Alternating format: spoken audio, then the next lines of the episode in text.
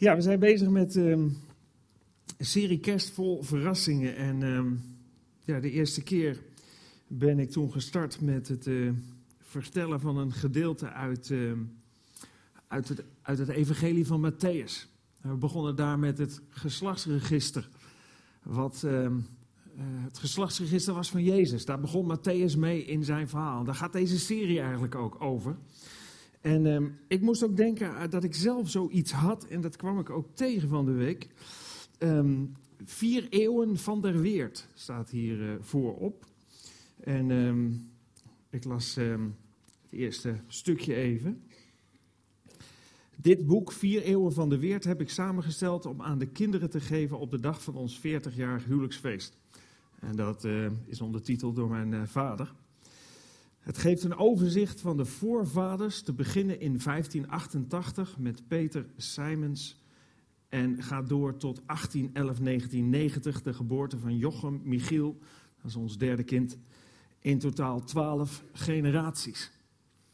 En uh, ja, ik moest eraan denken, met deze serie bezig was en ook een aantal dingen in gelezen. En, en nou ja, inderdaad, een heleboel in over je, over je voorouders, twaalf generaties. En ik kwam een heleboel Peter van der Weerts tegen.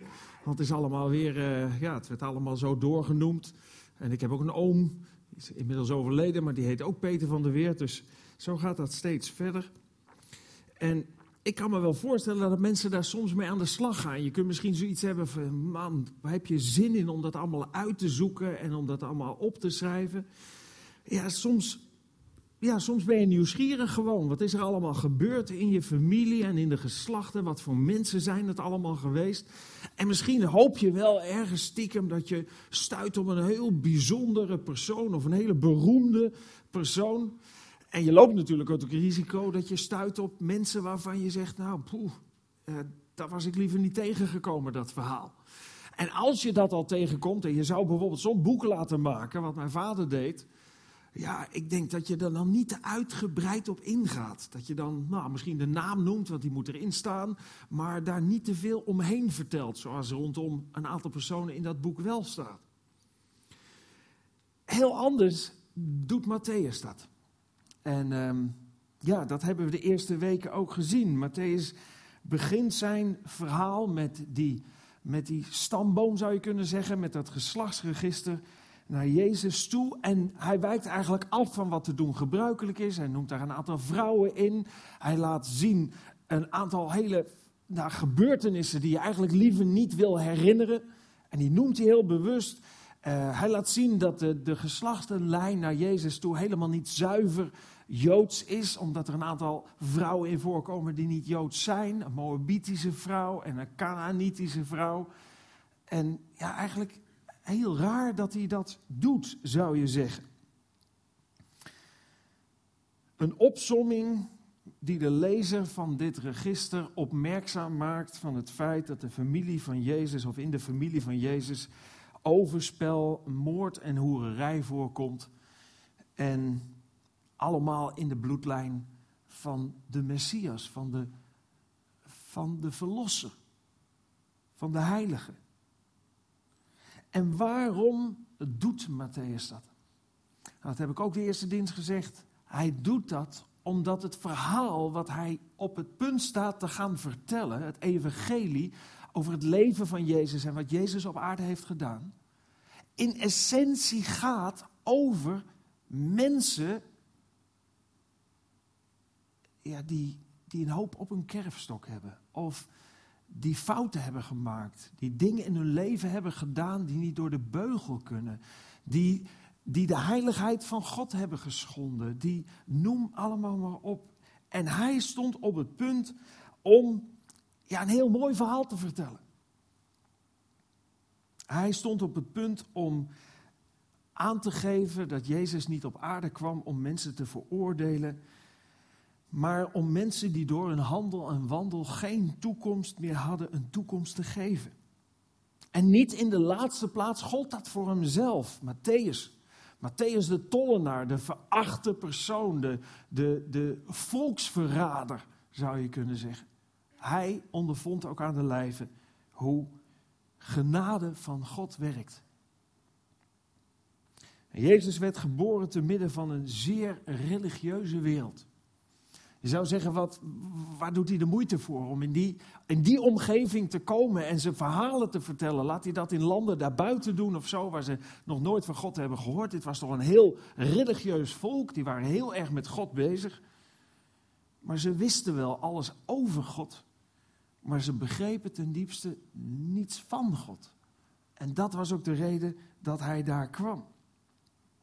Hij kwam in een wereld waar mensen God wilden behagen, of God wilde paaien, zou je kunnen zeggen, door wat ik doe.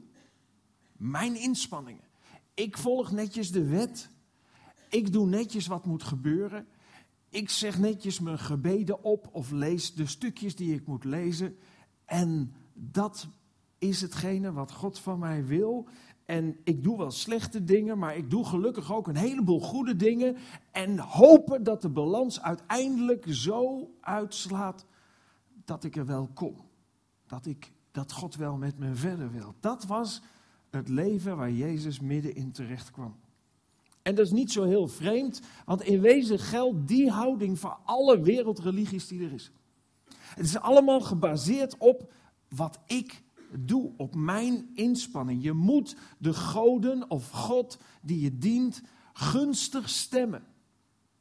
Als je gedaan wilt krijgen wat je graag wil dat gebeurt, of als je wilt voorkomen dat dingen je overkomen die je niet wilt dat je overkomen, ja, dan moet je de God of de goden die je dient gunstig proberen te stemmen. En zo zitten de kerken ook vol, ook in deze tijd. Vol met mensen die op dezelfde wijze religieus zijn. Ik ga netjes naar de kerk, ik geef netjes mijn geld, of ik steek netjes een kaarsje aan, of ik lees de Bijbel, of ik bid. Ik ben misschien niet de allerbeste, maar ik ben zeker ook niet de allerslechtste. Dus hopelijk pakt het goed voor me uit. En dat is niet een specifieke kerk. Dat is niet de katholieke kerk of de gereformeerde kerk. Dat is net zo goed de evangelische kerk of de baptistenkerk of de pinkstergemeente of welke kerkelijke denominatie ook. Ook deze kerken zitten vol met mensen, net zoals het was in de tijd van Jezus, die proberen op grond van wat ik doe, God te bewegen tot, ja, tot jou geven wat je graag hebben wilt. Ik wil graag een goede oogst. Ik wil graag een goede dit. Ik wil graag gezond zijn. Ik wil graag. Dus ik doe mijn best en dan krijg ik het wel. En ergens passen we allemaal wel in een van die categorieën. We zijn allemaal ehm, religieus. Ik ben ervan overtuigd dat ieder mens religieus is. En dan bedoel ik, ieder mens een besef heeft van er is meer tussen hemel en aarde. Er is wel een hogere macht. De dingen kunnen niet allemaal toevallig zijn. De zogenaamde iets is bijvoorbeeld, als je die op straat vraagt, van denk je dat er meer is tussen hemel en aarde? Dan is het antwoord ja, ik denk wel dat er iets is. Dan ben je een iets is. Allemaal zijn we, ik las een keer ergens iemand die, zei de die had de uitspraak, we zijn allemaal ongeneeslijk religieus. Er is bij ons allemaal wel zoiets aanwezig als besef van meer tussen hemel en aarde. En we hebben ook allemaal de neiging om te onderhandelen met die hogere macht. En, en zo werkt zelfs bijgeloof. Um, als iemand een keer ergens wat vertelt, is in een groep mensen, vertelt iemand, nou ik heb gelukkig nog nooit een ongeluk gehad. Even afkloppen. Oh, zegt dan iemand, ja, dat moet je niet doen, dat is gelakt hout, dat moet op ongelakt hout. Oh, even op de onderkant van de tafel dan afkloppen. En zo, en dat moest ik ook aan denken, ik mocht thuis, mochten wij nooit twee messen over elkaar leggen. Geen idee waar het vandaan kwam. Ik weet tot op de dag van vandaag, die mocht ook nooit, mocht ook nooit een schaar in de vensterbank liggen. Echt geen notie waar het vandaan komt, wat het is. Op een, een of andere manier toch dat gevoel van, oké, ik moet bepaalde handelingen niet doen, bepaalde handelingen wel doen, want als ik, dat, als ik het niet goed doe, dan, ook al geloof ik helemaal niet, ik ben toch ergens religieus. Er is, een er is een hogere macht en ik moet wel oppassen. Hij moet me wel aardig blijven vinden. Moet wel de dingen goed doen. Dus eigenlijk, hoe hard we misschien soms ook roepen, ik geloof niet of, of, of wat dan ook, zijn allemaal religieus. Allemaal proberen te dealen op basis van wat ik doe. En Matthäus staat in dit Bijbelgedeelte op het punt om het mooiste verhaal te vertellen wat hij maar kan doorgeven. De mooiste boodschap. Hij gaat vertellen dat een relatie met God mogelijk is. Dat is waar we ten diepste als mens allemaal naar zoeken. Een relatie met God.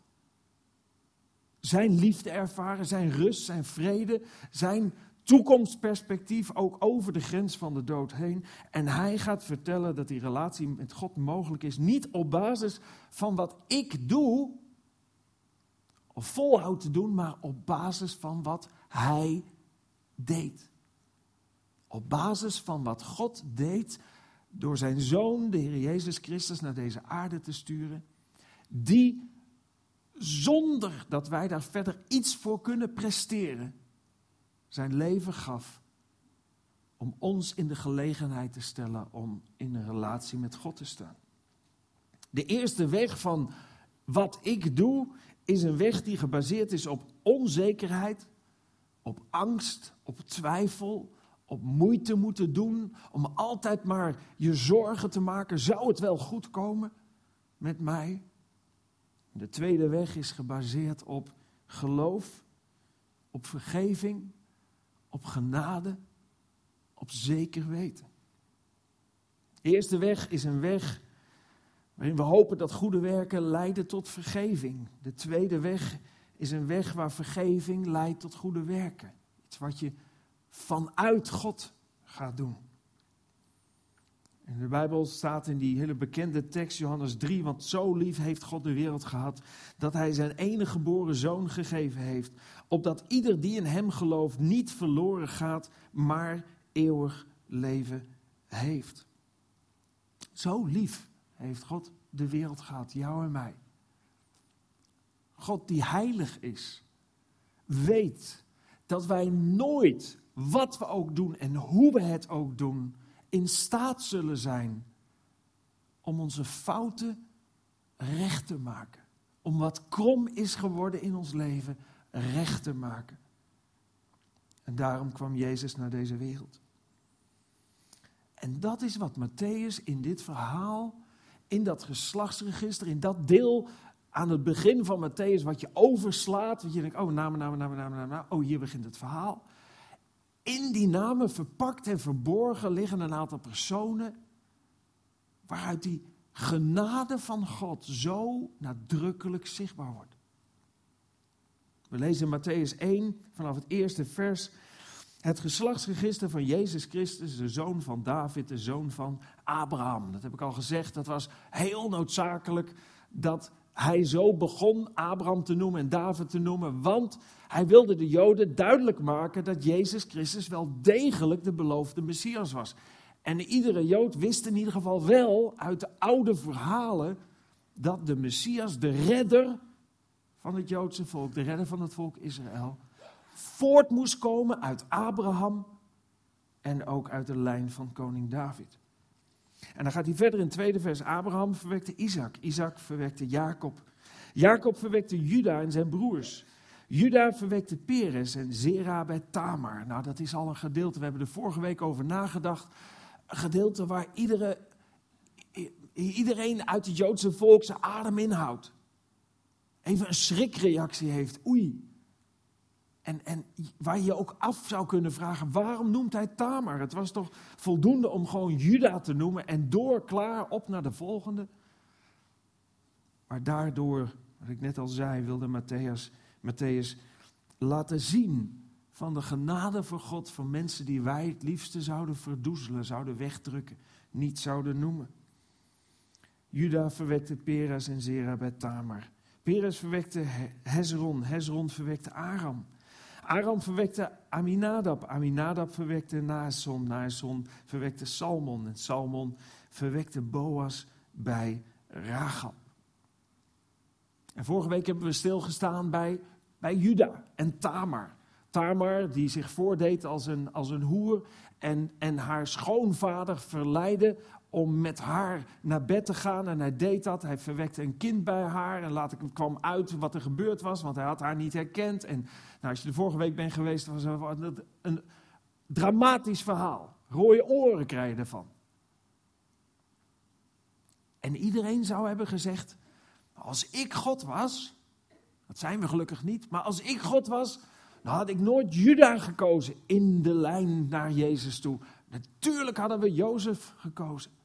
Met de Technicolor Dreamcode en met zijn succesverhaal. En het was een prachtig mens en we mogen er een voorbeeld aan nemen.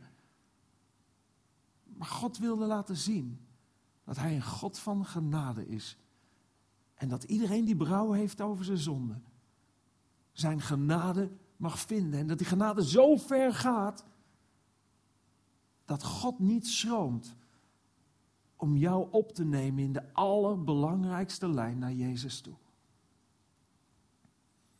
Ragab. Daar komen we nu uit. Salmon verwekte Boas bij Ragab. En Ragab had een label. Dat is het thema van deze dienst. Wat staat er op jouw label? Nou, Ragab had een label. En dat label kennen we denk ik wel. De eerste dienst kwam dat wel naar voren. Het is Ragab de... Ragab de... Zo zacht, zeg niet zo, mag het hard zeggen. Het staat ook in de Bijbel. Ragab de... precies, Ragab de hoer. Heel veel mensen hebben een label. En dat is geen onbekend fenomeen ook. Misschien heb je zelf ook wel een label waar mensen je bij benoemen of in herkennen, of een nickname of, of een bijnaam of wat dan ook. We kennen dat wel. Ja, de Bijbel komt dat ook een aantal keren voor. Je hebt bijvoorbeeld Matthäus of Zacchaeus de tollenaar, heel goed. En Johannes de? Johannes de doper, precies. En Paulus de? Boskabouter, heel goed, heel goed. Ik, ik dacht, ze durven het vast niet te zeggen, maar ja, Paulus de Boskabouter, ja. En Alexander de? Grote, heel goed. En Zoef de? Ah, daar zijn ook mensen in die tijd opgegroeid. En Dennis de?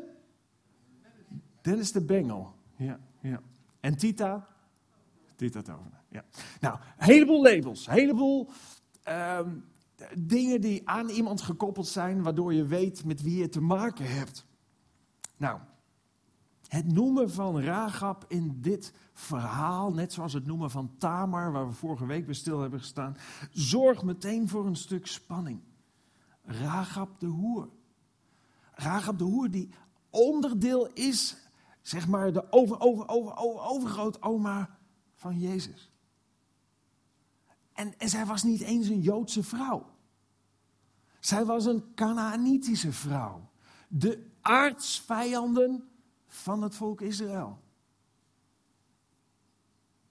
En zij wordt opgenomen in dit geslachtsregister en is daar natuurlijk dan ook onderdeel van.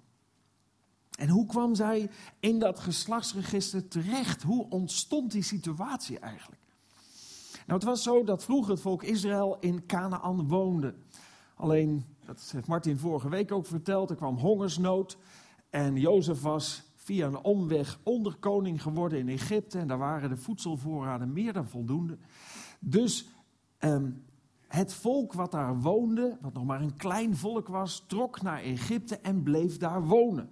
Kregen ook landerijen. Maar goed, op een gegeven moment, Jozef uh, kwam te overlijden en ook de farao en dat ging maar door. En dat volk groeide en groeide. En op een gegeven moment zeiden de Egyptenaren, we moeten oppassen met dit volk Israël, want ze worden zo groot, ze gooien ons straks het land uit. We moeten ze onderdrukken. En dat deden ze ook. Ze werden gedwongen tot slavenarbeid. En op een gegeven moment werd dat zo heftig dat ze het uitschreeuwden naar God en God de keuze maakte om Mozes te sturen naar dit volk die al 430 jaar daar woonde en te bevrijden. Misschien dat verhaal wel eens gehoord, de tien plagen. En uiteindelijk het volk wat door de, uh, door de Rietzee gaat en wat in de woestijn terechtkomt. En wat bevrijd wordt uit het land van de Egypte. En dan een heleboel omzwerving in de woestijn. 40 jaar doen ze erover. Een reis die ze in drie maanden hadden kunnen maken. Maar er was soms zoveel opstandigheid en weerstand en noem maar op. Dat, zij, ja, dat, ze, dat, het, dat het 40 jaar duurde. En op een gegeven moment staken ze vanuit de westelijke kant, vanuit de oostelijke kant naar west de Jordaan over. En stonden inmiddels onder aanvoering van Jozua. Mozes was overleden, mocht ook het beloofde land niet in. Jozua stond aan het hoofd en ze stonden op het punt om de eerste stad, dat was, waren meestal grote steden met dikke muren eromheen, om die aan te vallen. Om het land wat hun toebehoorde weer terug te claimen. Zo had God hun gezegd te doen. En Jozua die stuurde een paar verspieders daar naar die stad toe. En uh, twee verspieders. En op een, een of andere manier, de Bijbel staat niet hoe dat kwam, maar op een, een of andere manier werden ze opgemerkt. Er werd aan de koning verteld, er zijn uh, verspieders van het volk Israël. Dus ze werden gesnapt en zij probeerden nog eh, weg te komen en zij sneakten zo het huis van Ragab binnen. Dat stond op de stadsmuur. En zo kwamen ze in het huis van Ragab de hoer en vroegen aan haar om hun te verbergen. En dat deed ze. En op een gegeven moment kwamen er soldaten, die hadden, hadden gezien dat ze daarin waren gegaan. Die kwamen daar en die klopten op de deur. Je, je vraagt je misschien af waarom rammen ze niet gewoon die deur meteen in en komen ze binnen. Maar bij een hoer weet je nooit wie je vindt. Kan hele, ja, kunnen personen tegenkomen waarvan je denkt, oh, ik wist niet dat hij hier kwam. Dus ze klopte netjes aan en zij komt aan de deur en ja, ze vragen, zijn deze mannen hier? En ze zei, nou, die zijn wel geweest, maar ze zijn vlak voor de invallen van de duister, zijn ze de stad weer uitgegaan, voordat de poort gesloten werd. En als je snel bent, kun je ze nog achterhalen. Nou, dat is het punt waarop we even kijken naar die tekst uit Jozua 2. Jozua 2, vers 8 staat, maar voor zij zich te slapen gelegd hadden, dat waren die verspieders, klom zij, dat was Ragab, naar hen toe op het dak. Ze waren nog gewoon bij haar. En zei tegen die mannen, ik weet dat de Heer u dit land gegeven heeft en dat de schrik voor u op ons gevallen is. En dat al de inwoners van dit land weggesmolten zijn van angst voor u. Twee bijzondere dingen. A was het hele belangrijke informatie voor een spion. Om te weten dat het hele volk angstig was. Dus ook waarschijnlijk heel makkelijk te verdrijven. En het tweede wat bijzonder is, is dat deze Kaanitische vrouw God noemt bij zijn, zou kunnen zeggen, hoogste naam, Yahweh. En dat blijkens uit wat zij, blijkt uit wat zij zegt hier, maar ook wat verderop staat, zij wist van die God van Israël en van zijn macht en van zijn grootheid. Ondanks het feit dat het er niet staat, lijkt het wel alsof zij zo onder de indruk was gekomen van wat God haar geopenbaard had en waar ze schijnbaar ook voor open stond. Ja, dat zij keuzes in haar leven ging maken die daarmee in het verlengde lagen. En vers 10 staat dan, want we hebben gehoord, zegt Ragab, dat de Heere, weer Yahweh, het water van de Schelzee voor uw ogen heeft doen opdrogen. Toen u uit Egypte ging. En ook wat u hebt gedaan met de twee koningen van de Amorieten, Sion en Och. Die aan de andere zijde van de Jordaan waren. Die u met de band geslagen heeft.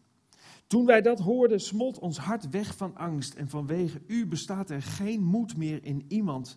Want de Heere, uw God, is een God boven in de hemel en beneden op de aarde. Het is, een, gewoon een geloofsbeleidenis die zij hier uitspreekt. Er is iets gebeurd met haar door de grootheid die ze van God heeft gezien, waardoor ze zegt, jullie God, Yahweh, is een God van boven in de hemel en beneden op de aarde. En dan zegt ze in het volgende vers 12, nu dan zweer mij toch bij de Heere omdat ik goede tierenheid aan u bewezen heb, dat u ook goede tierenheid zult bewijzen aan het huis van mijn vader. En geef mij een teken van trouw, dat u mijn vader en mijn moeder zult laten leven, en ook mijn broers en mijn zusters met al wat van hen is, en dat u ons leven van de dood redden zult. Toen zeiden de mannen tegen haar: Als u deze zaak van ons niet bekend maakt, zetten wij ons leven in om in uw plaats te sterven. Oftewel, wij stellen ons met ons eigen leven garant voor jouw leven. Het zal dan gebeuren wanneer de Heer ons dit land geeft, dat wij aan u goede tierenheid en trouw zullen bewijzen. Daarop liet zij hen neer met een touw door het venster, want haar huis bevond zich op de stadsmuur en zij woonde op de muur. Nou, zo vluchtten ze en ze kregen nog, ze kregen nog advies mee van Rahab. Ga niet direct terug naar de Jordaan, maar ga rechtdoor de bergen in. Wacht daar drie dagen en dan zullen de achtervolgers wel de achtervolging opgeven. En dan kun je veilig terug naar Jozua. En zo ging het ook. En ze gingen naar Jozua en deden verslag. En God openbaarde aan Jozua hoe hij wilde dat dit land, deze plaat, deze Jericho, de Jericho, werd ingenomen. En ik stel me zo voor dat Jozua na dat verhaal naar zijn generaals is gegaan of naar zijn legeroverste en heeft gezegd, jongens, even, even bijpraten. We gaan Jericho aanvallen en uh, ik heb een paar mededelingen. Je hoeft je zwaard niet mee te nemen. En, en ook je panzer niet. En, uh, en ook geen schilden. Zorg dat je een paar goede gymschoenen aan hebt. Want dit is de opdracht die God heeft gegeven. We gaan zes dagen lang, iedere dag, één keer rondom de stad lopen. En de zevende dag doen we dat zeven keer. En God zal ons de stad in handen geven. Hoe zouden ze het hebben opgevat? Maar het gebeurde zo. Het ging precies zo als Jozua zei. Het ging precies zoals God aan hem geopenbaard had. En de stad viel. En in het verlengde daarvan bleven de verspieders, maar bleef ook Jozua trouw aan de belofte die ze hadden gedaan aan Rahab. En dat lezen we iets verder in Jozua 6. Daar staat, zo liet Jozua de hoer Rahab in leven, met de familie van haar vader en alles wat van haar was. Zij heeft tot op deze dag in het midden van Israël gewoond, omdat zij de bode bezorgde, uh, uh, verborgen had die Jozua gestuurd had om Jericho te verkennen. En dit hele verhaal, Rahab is weer één van die verhalen, nam Matthäus op in het geslachtsregister van Jezus, omdat het één van de vele illustraties is van de genade van God. Genade voor iedere zondaar die gelooft, onafhankelijk van wat je hebt gedaan, onafhankelijk van wat je op je kerfstok hebt. God wil iedere zondaar redden van de eeuwige dood. En wat de Bijbel ons verder niet vertelt is hoe het verder met Rahab precies ging. En hoe Rahab misschien ooit een keer ergens Salmon tegenkwam. Die zei van, hey, ken ik jou niet ergens van? Of ik weet niet wat toen de openingszin was om contact met een vrouw te krijgen. Of drink een kop koffie met me. Maar hoe het ook zij, hij kreeg een relatie met haar. En zij kregen samen een kind, Boas. En, en, en Boas kreeg weer een kind Isaïe en Isaïe kreeg een kind David. En zo zie je heel dicht bij haar, in haar bloedlijn, werd koning David geboren. En door dat alles heen laat God zien dat genade veel verder gaat dan zijn wet. Volgens de wet had deze vrouw gestenigd moeten worden. Volgens de wet had zij geen schijn van kans op leven. Maar God laat zien dat zijn genade boven de wet staat. Dat iedereen die berouw heeft van zijn zonde vrij kan worden, een relatie met God kan krijgen. Vanwege zijn genade en door dat wat de Heer Jezus Christus heeft gedaan. En ergens staat het verhaal van Rahab ook dicht bij ons allemaal. Want we hebben allemaal een label. We hebben allemaal wel ergens de wetenschap, de zekerheid, de kennis van onszelf. Hoe wij staan ten opzichte van de heiligheid van God.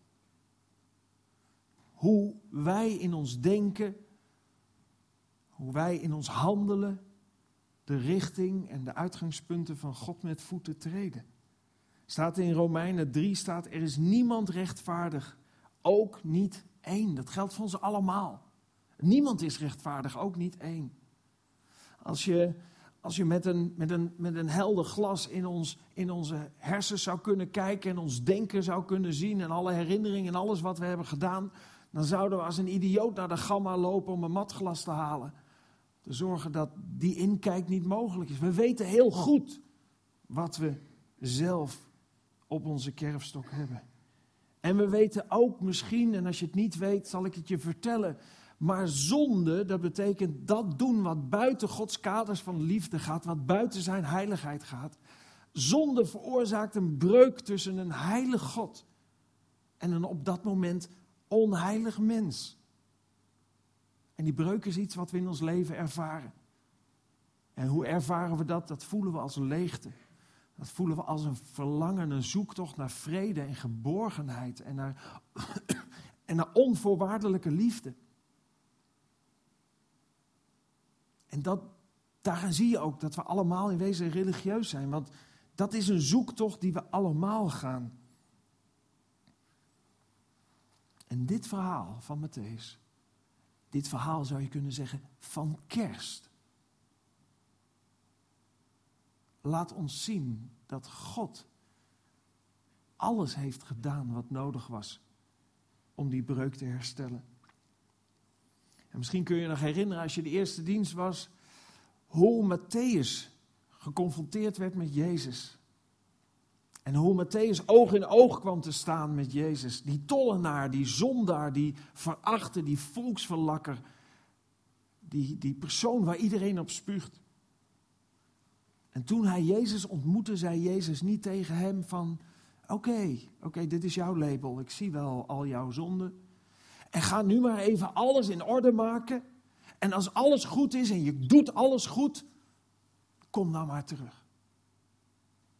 Nee, Jezus liep op hem toe. Hij zei niet eens iets over zijn zonde. Hij zei niet eens iets over zijn aard. Dat hoeft ook helemaal niet, want deze wist heel goed wat zijn zonden waren, net zo goed als wij dat weten. Jezus liep op hem af en zei: Volg mij.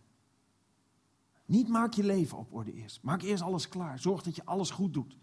Nee, volg mij. We hoeven niet te onderhandelen met God om of ons best te doen om Hem te behagen. Het is goed om goede dingen te doen hoor, begrijp me goed. Het is goed om te bidden en de Bijbel te lezen en dingen weg te geven en, en, en liefde te hebben voor je vrouw en kinderen en je omgeving. En dat is allemaal belangrijk en goed, dat staat ook in de Bijbel.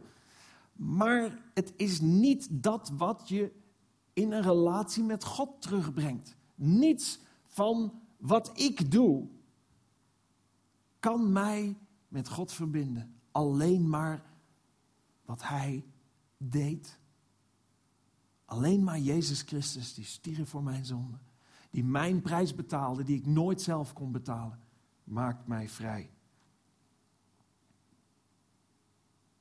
En Jezus nodigt ons uit, ons allemaal. Om een keuze in ons leven te maken, om dat offer van de Heer Jezus te aanvaarden. En in het verlengde daarvan, eigenlijk direct opvolgend, zo zie je altijd in de Bijbel, zegt hij. En laat je als teken van de keuze die je maakt, dopen. We lezen dat Jezus tegen zijn discipelen zegt, er staat in in ehm, Marcus 16. En hij, dat is Jezus, zei tegen hen, zijn discipelen: Ga heen in heel de wereld. Predik het evangelie. Predik die blijde boodschap. Dat we niet onder een juk gebukt hoeven gaan. Dat we niet ons best hoeven te doen om de eeuwigheid te verdienen of om bij God in een, in, in een goed daglicht te komen.